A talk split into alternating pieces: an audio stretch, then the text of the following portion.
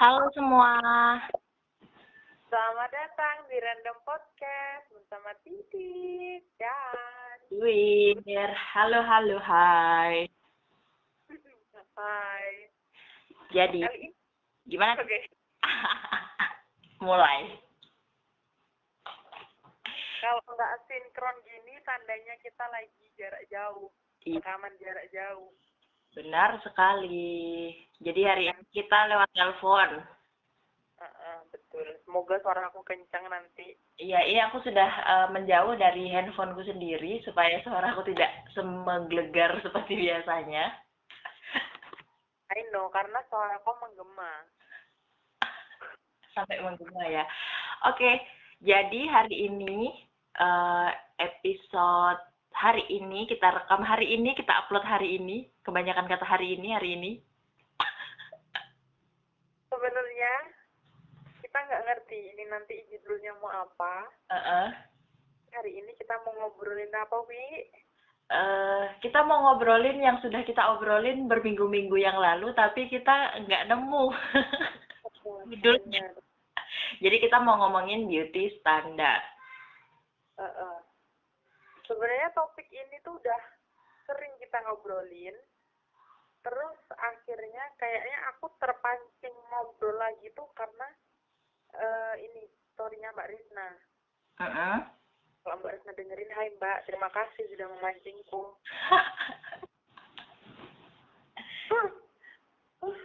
Begitu.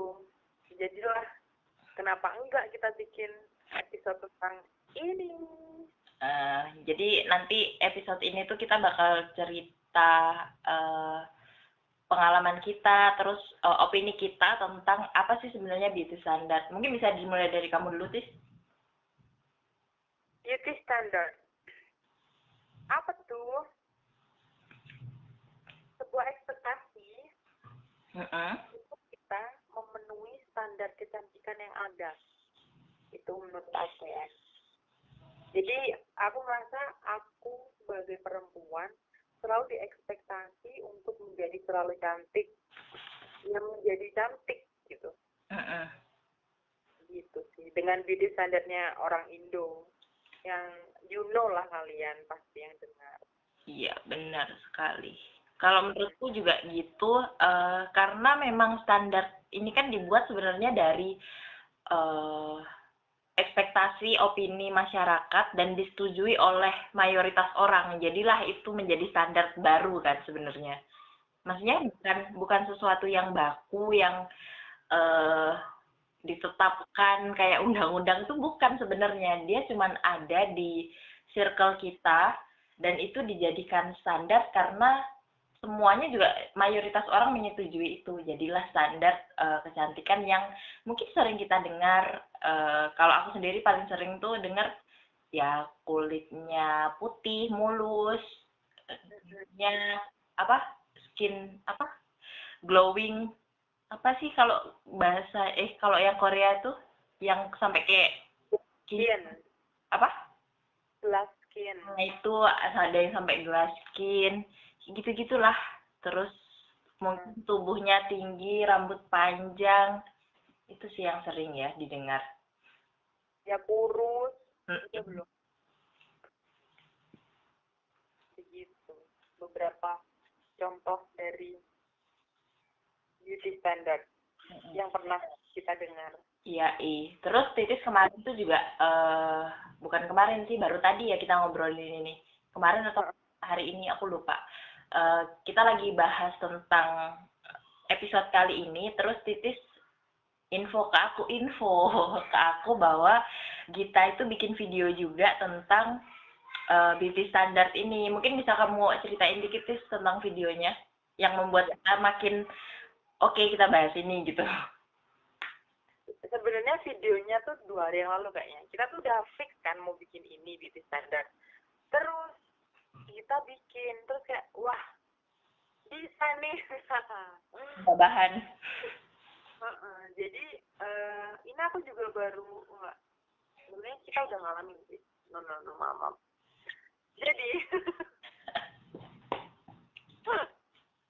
di video kita ada eh, kita mention esai dari Britain Ashley Ashley tentang beauty karakteristik jadi si Ashley ini Ashley gimana ya bacanya nggak ngerti ya Wak Ya, yang pengen tahu detailnya nonton videonya kita. Lo jadi promosi.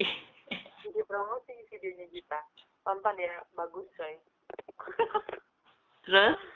ada empat empat karakteristik. Yang pertama adalah beauty is fundamentally feminine. Jadi kecantikan pada dasarnya itu feminim. Terus yang kedua itu beauty is paramount. Among among ya Allah bahasa Inggrisku nggak among women's quality jadi kecantikan adalah aspek terpenting pada perempuan.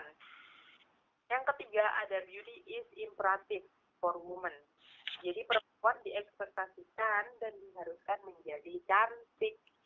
Yang terakhir ada women's beauty requires substantial modification of the natural appearance jadi itu untuk mencapai kecantikan tersebut perempuan tuh harus merubah looknya. Merubah tampilan merubah dirinya. Begitu. Ini pastinya udah uh, kalau menurut kalau aku ya ini kayak waduh bener kali gitu loh. Langsung relate. relate banget coy. Relate banget. Kalau kok pas denger ini kok ngerasa oke okay. apa gimana Aku aku kan baru nonton in, hari ini tadi ya. Maksudnya kita waktu ngobrolin langsung oke aku akan tonton karena kata Titis juga eh ya relate banget memang pas aku tonton ternyata kan di situ juga Gita undang dua orang dua perempuan dua perempuan lainnya yang di situ bahas beauty standar tentang daerahnya mereka. Jadi kebetulan yang diundang tuh aku lupa namanya Tis. Mbak-mbak Mm, mbak dari eh, Papua. Yang saat po- mm, mereka berdua campuran atau Papua asli ya? Aku juga nggak tahu. Pokoknya ada turunan Papuanya. Terus mereka juga eh, menjelaskan juga beauty standard yang ada di lingkungan mereka itu seperti apa. Sebenarnya kan beauty standard itu kan eh, lokal banget ya. Maksudnya di tiap di tiap tempat punya beauty standard yang berbeda. Cuman eh tinggal kita tahu atau enggak. Kayak misalnya di Papua kan kita nggak tahu nih. Sebelum aku denger video eh nonton videonya Gita, aku nggak tahu bahwa beauty standard di eh, sana itu ternyata di luar dari eh apa ya? fisik bawaannya mereka kayak misalnya kulitnya memang lebih gelap di, kalau misalnya dibandingkan kita orang Jawa atau luar Papua. Terus eh, ternyata yang diinginkan atau yang menjadi standar idealnya itu adalah kulit yang lebih terang. Jadi kayak misalnya yang orang campuran, campuran Papua dan suku mana itu lebih dipandang cantik. Sam- Heeh. sampai si Livni Livni ya kalau nggak salah namanya dia bilang berarti kayak kayak aku tuh dinilai cantik cuman karena skin tone-ku itu lebih cerah dibanding teman-temanku di Papua sampai dia mention itu loh dan eh, iya juga ya maksudnya kita kita nggak pernah tahu eh, beauty standard di tempat-tempat lain di luar sana sebenarnya beragam banget kayak gitu. Cuman yang kita denger di sini yang nyampe di telinga kita ya cuman itu itu aja ya sis ya. Benar-benar gitu. Terus wi.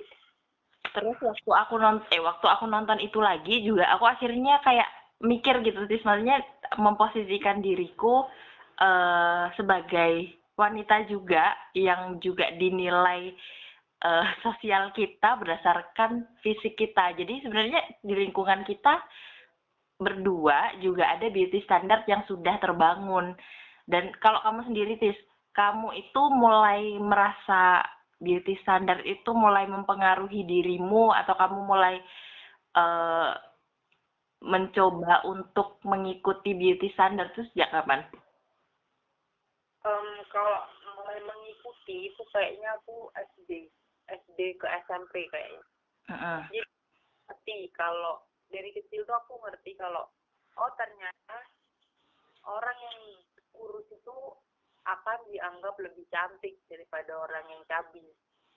Tapi tuh aku nggak nerapin. Jadi baru mulai kayak oh aku harus diet for my good gitu loh. Mm -mm. jadi itu mulai ada ak aksi itu di situ kelas berapa tuh sis? Lupa coy pokoknya mau mau SMP kayaknya. Oke uh, oke. Okay, okay. gitu. Dan itu karena masih kecil dan uh, dulu kan informasi kan nggak selancar sekarang juga ya. Jadi aku pernah dengar ada satu selebriti bilang waktu diwawancara di televisi itu dia dia dulu pernah cabi terus dia itu pengen kurus dengan cara ini loh masukin apa? Nusuk nusuk tenggorokannya. Ya gosok gigi terus tenggorokannya. Akhirnya dia akan muntah lagi setelah makan. And I did it. Yes. That was stupid. Uh, jadi aku dua hari ngelakuin itu Lama. habis itu habis itu bye rasanya meninggoy uh, fuck that beauty gitu zaman dulu nggak bisa ngomong gini sih Iya, cuman cuman kita ketika ingat sekarang, oh aku dulu kayaknya ngikutin banget ya bisnis standar berarti. Benar. Karena emang kayak ya gimana nggak ngikutin coy orang sekeliling kita kayak gitu. Dan uh, media media apa namanya pertelevisian hmm? Dulu tuh sangat mendukung sampai sekarang bahkan. Jadi kan televisi aja kan, televisi radio kan hiburannya tuh itu sangat mendukung adanya beauty standard di mana perempuan memiliki kulit yang bening, cerah. Bening, ubur-ubur apa tis? iya, ubur apa ya? Iya, rambutnya lurus, sehat, tinggi gitu. Iya benar-benar. Terus ya gimana terpasti. Terus kalau kalau setelah dewasanya? Maksudnya setelah dewasanya? Setelah kamu dewasa, kamu uh, gimana apa aja beauty standard yang mulai influence kamu atau kamu udah kayak mm, enggak deh aku nggak perlu ngikutin kayak gini gitu um, kayaknya aku mulai tersadar tuh SMA yang aku bilang tuh loh coy apa tadi tadi mm -hmm. Jadi ada satu guru kita guru fisika tuh bilang itu relatif and that hit me a lot jadi oke okay. relatifnya emang relatif ya. itu yang ngomong kebetulan guru kita cowok ya ya jadi Ini yang ngomong kita cowok namanya Pak Uwin -mm. gitu, gitu. kalau ini kamu nggak mau nanya aku aku jawab sendiri aja ya oke okay. kalau aku aku pikir kok langsung gak biasanya kan? Iya agak nggak biasa aja hari ini. Jadi kalau aku sendiri tuh dari dulu malah bingung. Maksudnya karena mungkin juga yang Titis bilang tadi minim media atau informasi tentang uh, beauty standard media itu sangat berpengaruh kan? Contohnya aja kalau misalnya kita sering lihat iklan iklan yang ditampilin itu misalnya kalau ibu-ibu gitu ya ibu-ibunya tuh walaupun menjadi ibu rumah tangga dia itu yang ditampilkan. Kulitnya putih mulus eh kayak nggak ada keringetnya ya padahal lagi di rumah lagi kerja terus abis itu rambut panjang diikat badan tinggi kurus langsing itulah yang menjadi yang yang di bayanganku ya beauty standard seperti itu sekarang. Kalau misalnya dulu waktu masih kecil tuh aku kayak kurang terpapar hal-hal seperti itu dan juga lingkunganku juga mungkin nggak nggak dan ini yang aku ceritain ke Titis juga. Kalau waktu kecil dulu itu kita dibil anak kecil itu semuanya lucu. Jadi nggak ada tuh pembulian kayak sekarang. Masih kecil aja udah dijudge. Misalnya uh, kalau Titis bilang uh, waktu cerita sama aku dia bilang waktu aku masih kecil tuh aku cabi. Terus waktu dulu itu aku dibilang uh, lucu dan lain sebagainya. Terus aku mikir-mikir kayaknya emang kalau zaman kita masih kecil dulu semuanya itu terlihat fine fine aja nggak ada standar kecantikan atau kelucuan waktu waktu kita masih kecil ya nggak tis? Uh -uh. nah abis itu lama kelamaan itu sama juga deh kayaknya aku SD deh SD itu udah mulai ngerti tuh, oh yang cakep tuh yang putih ya. Walaupun akhirnya aku nggak ngikutin sih. Cuman aku akhirnya bisa membedakan nih temanku yang cantik dan tidak berdasarkan itu. Mhm. Jadi kayak mulai dari SD uh, mungkin kelas um, 5 atau kelas 6 aku udah bisa bedain tuh temanku yang cantik mana, yang enggak mana berdasarkan beauty standard yang ada saat itu. Seingatku sih kayaknya putih, uh, terus giginya rapi, terus apa lagi ya? Kalau tinggi enggak sih, karena kan kita semua masih kecil ya dulu. Kayaknya tuh pertumbuhan zaman SD itu masih belum kelihatan jomblangnya. Terus apa lagi ya? Ya itulah pokoknya yang aku inget. Cuman itu sih putih, terus giginya rapi. Kalau tinggi ya itu tadi, karena kita masih kecil jomblangnya nggak gitu parah. Terus sampai sekarang pun sebenarnya ada, cuman bagaimana kita bereaksi aja sih, bagaimana kita ngerespon sebenarnya beauty standard yang ada di lingkungan kita. Gitu. Nah, karena kita udah kayaknya hampir semua orang juga mengalami uh -uh. dan terdampak beauty. Jadi aku dan Dwi ada beberapa step untuk uh, apa namanya? Uh, ya. Uh -uh. Halo. Halo. Putus okay. ya? Jadi kita jadi aku dan Dwi itu ada beberapa step uh -huh. untuk berdamai dengan this beauty standard. Uh -uh. Gitu deh. Karena kan di luar karena di luar sana kan banyak ya, maksudnya orang-orang yang menentang adanya beauty standard ataupun eh, orang-orang uh, yang menyuarakan juga pendapatnya mungkin kayak kita ngerespon beauty standard versinya mereka tuh kayak apa. Nah, kita mau sharing versinya kita nih hari ini. Apa aja, Tis? Jadi beauty standard. Uh, sorry, sorry. Aku tadi mau nambahin. Mm -hmm. uh, mungkin ada beberapa no no. I was wrong. Oke okay, diulang. Jadi kayak tadi bilang ada beberapa orang punya respon berbeda-beda mengenai beauty standard. Mm. uh, sebenarnya beauty standard itu ya beauty standard itu ada dan akan sulit dihapuskan. Dihilangkan tuh akan sulit karena itu udah kayak apa ya udah jadi akar gitu loh asosiasi kita. Jadi menurutku ya menurutku bukan Dwi menurutku bukan menurut kita. Menurutku instead of uh, menentang aja gimana kalau kita cari cara untuk berdamai dengan beauty standard itu. Gitu sih Wi. Oke, terus yang uh, step yang pertama kita lanjut aja nih ya berarti ke ada lagi nggak kamu sebelum kita lanjut ke stepnya? Enggak. Oke. Okay.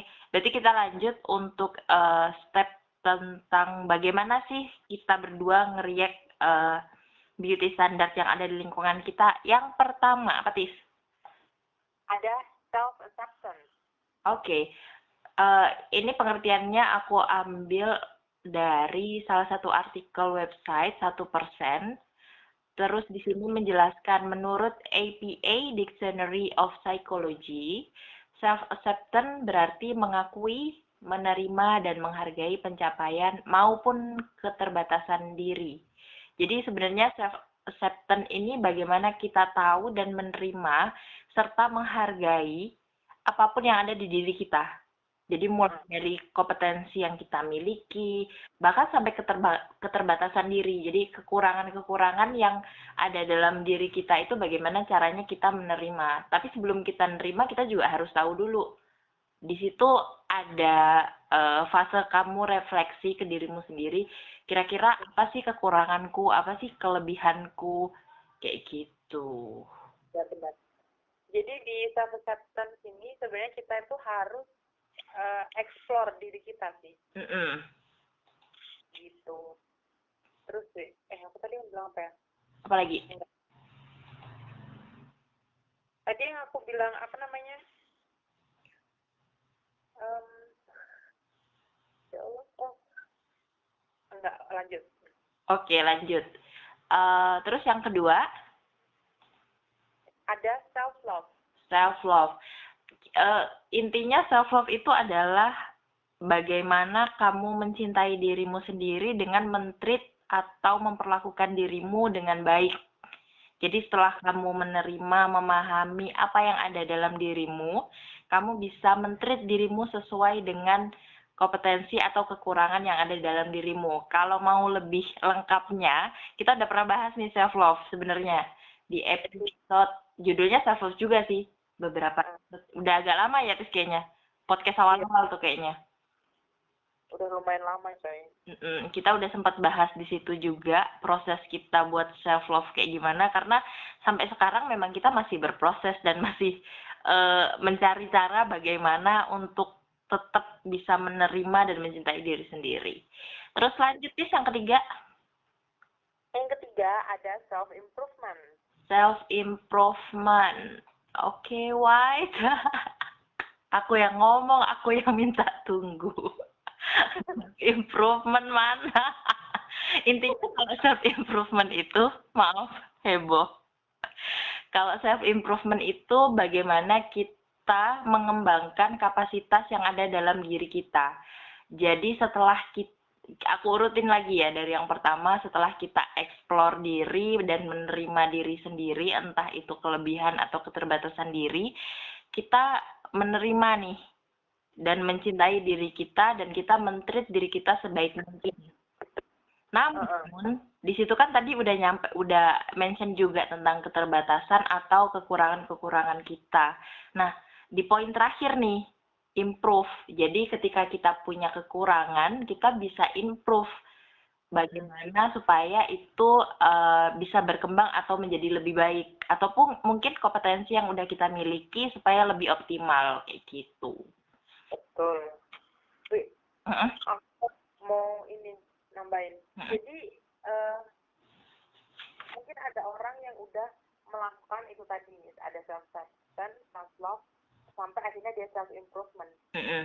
jadi um, kayak misal nih ada satu enggak misal uh, aku aku aja lah ya biar enak. Uh-uh. misal aku diet gitu kan.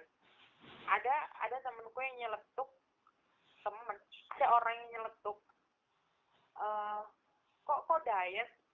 Kok pengen kurus? Katanya kok self love kayak gitu. Dan um, gini ya uh, itu kan menurut preferensi sendiri-sendiri kan? Uh -uh. aku diet karena for my ini kesehatanku. Yeah. karena waktu itu aku ngerasa susah buat jalan dan lain-lain. Jadi aku pengen badanku itu sehat seutuhnya gitu loh. Jadi tiap orang itu bukan berarti ketika dia mungkin dia melakukan operasi plastik bukan berarti dia follow the beauty standard. Yeah. tapi mungkin dia ada masalah mungkin dengan rahangnya atau dengan hidungnya gimana kan kita nggak pernah ngerti gitu loh. Jadi setiap orang itu pasti punya preferensi sendiri-sendiri tentang tubuhnya dia. Itu sih yang aku pengen ngobrol. Iya dan tadi kan aku uh, waktu poin ketiga improve itu kan berarti buk aku kan juga bilang bukan cuma tentang kekurangan tapi juga misalnya kompetensi yang bisa dioptimalkan. Jadi sebenarnya intinya jangan compare uh, fasemu atau prosesmu sama orang lain sih karena mungkin tujuannya juga beda gitu. Nah, betul. Jangan jangan keburu ngejudge ketika melihat orang melakukan sesuatu gitu loh karena kita nggak tahu kan uh, reasonnya dia apa terus tujuannya dia apa gitu itu yang suka orang lupa karena ngomper ya mungkin karena ada standar beauty standar itu jadi mungkin menurut mereka tujuan semua orang adalah untuk menjadi cantik uh, versinya beauty standar sosial kita itu sih mungkin ya mungkin. Benar. Terus ya. waktu aku nonton videonya kita itu juga yang paling bikin aku uh, ah ini nih poinnya. Bahwa sebenarnya ketika kita tahu bahwa ada bisnis standar di circle kita, di lingkungan kita, mungkin hal yang paling tepat untuk kita lakukan adalah menyuarakan uh, tentang konsep kecantikan yang sebenarnya itu uh, sangat beragam. Uh, Jadi benar. relatif sangat beragam, inklusif maksudnya jangan di jangan dipersempit konsep cantik yang hanya mungkin berkulit uh, terang atau tanpa jerawat atau hidung mancung. Karena kan kadang-kadang mikir juga sih kan ini bawaan ya. Maksudnya ya? Uh, secara genetik kita dengan orang uh, beda pulau ini kedengeran nggak? Kedengeran. Suara ini kan? Kedengeran tapi dikit oh ya udah aku yang ke distract malah. Sama Mega Jaya ini aduh dasar bapak lanjut. Mana ya tadi? Uh, beragam kecantikan yang beragam hmm. karena kita lahir dari beberapa suku yang berbeda. Yoi dan emang basicnya di suku kita daerah kita dengan daerah lain itu secara skin tone mungkin beda secara bentuk tubuh beda secara uh, apa ya wajah ngelihat mungkin dari bentuknya. Itu kan beda semua ya. Kita kita walaupun sama-sama Indonesia itu aja udah beragam gitu kan. Betul betul. Gitu. Itu sih sebenarnya poin yang uh, yang ngena banget ketika aku nonton videonya kita gitu oh iya sebelum sebelum sebelum lanjut lagi kalau titis ada yang mau ditambahin jadi intinya kenapa kita bahas uh, tentang self acceptance, self love sama self improvement sebenarnya itu itu adalah cara kita ya, cara kita untuk ngeriak beauty standard yang ada di uh, society kita. Dan tiap orang punya cara yang beda, nggak masalah kalau kalian punya cara lain mungkin uh, ada tips-tips lain dari kalian atau proses lain karena ya seperti yang aku bilang nggak bisa dikomperin fase-fase atau tahapan proses hidup orang gitu. Kamu ada dulu?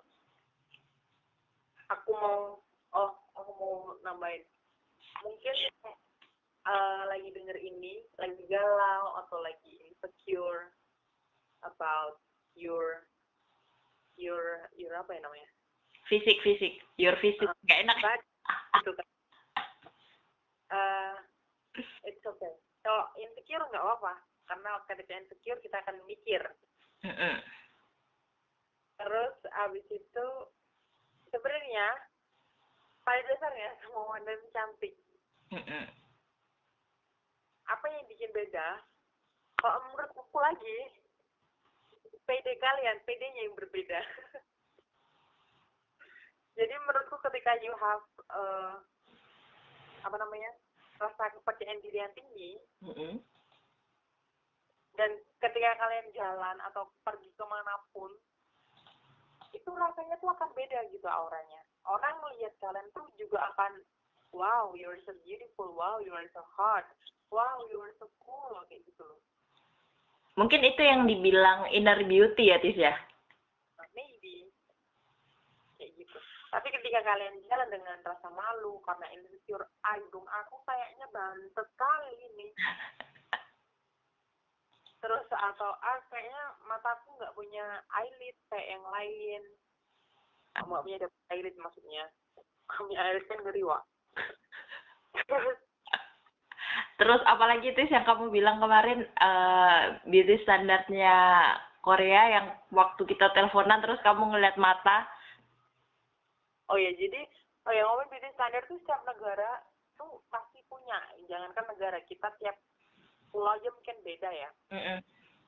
uh, generalnya aku yang lihat eh beberapa aku denger lihat komentar dan lain-lain di Korea itu cantik itu ketika dia memiliki double eyelid kan apa ya? Eyelid itu loh yang ini loh di mata itu loh. Ujung ujung ujung mata ya? Uh, jadi kan bingung ya mau jelas kalau nggak video gini kan? Ujung ujung luar ujung luar mata. Uh -uh itu tuh cantik coy. Mm -hmm. tapi beda lagi sama orang UK maybe. Aku aku dari UK atau UK atau Jerman ya ketika or, perempuan yang punya bibir lebar itu terlihat atraktif Oh. gitu. Terlihat menarik. Mm, mm, mm. gitu ya. Sama sih kayak di Indo.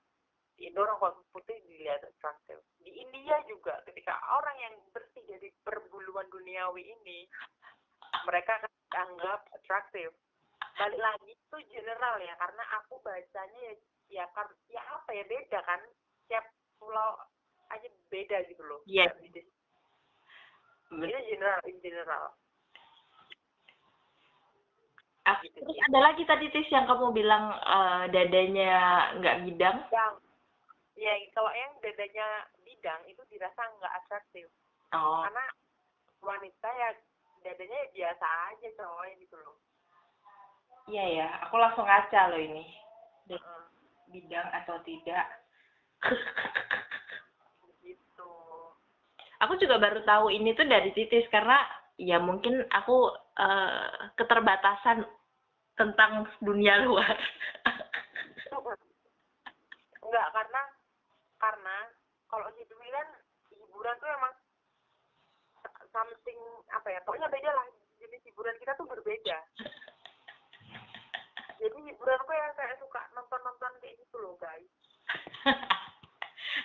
ya kita balik lagi ke beauty standard jadi ngomongin hiburan. oke maaf maaf. Ada ada lagi nggak kamu tis?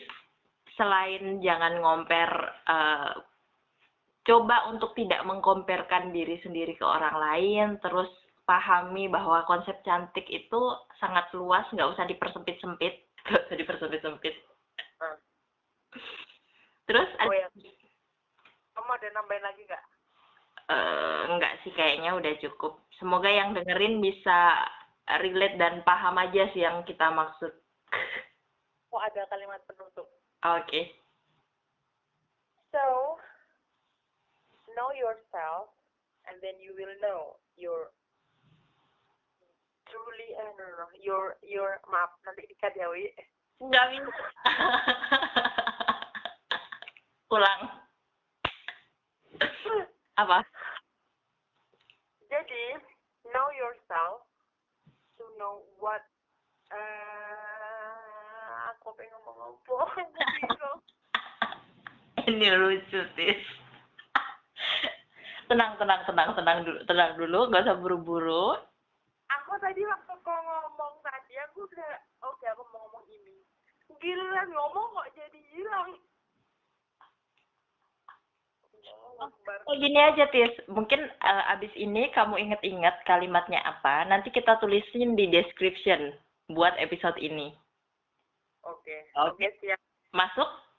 Masuk. Oke. Dadah.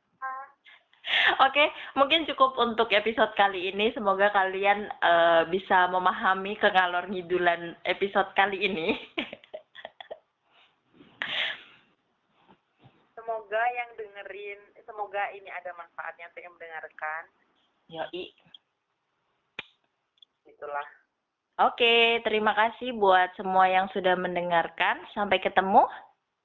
Di episode selanjutnya. Bye-bye.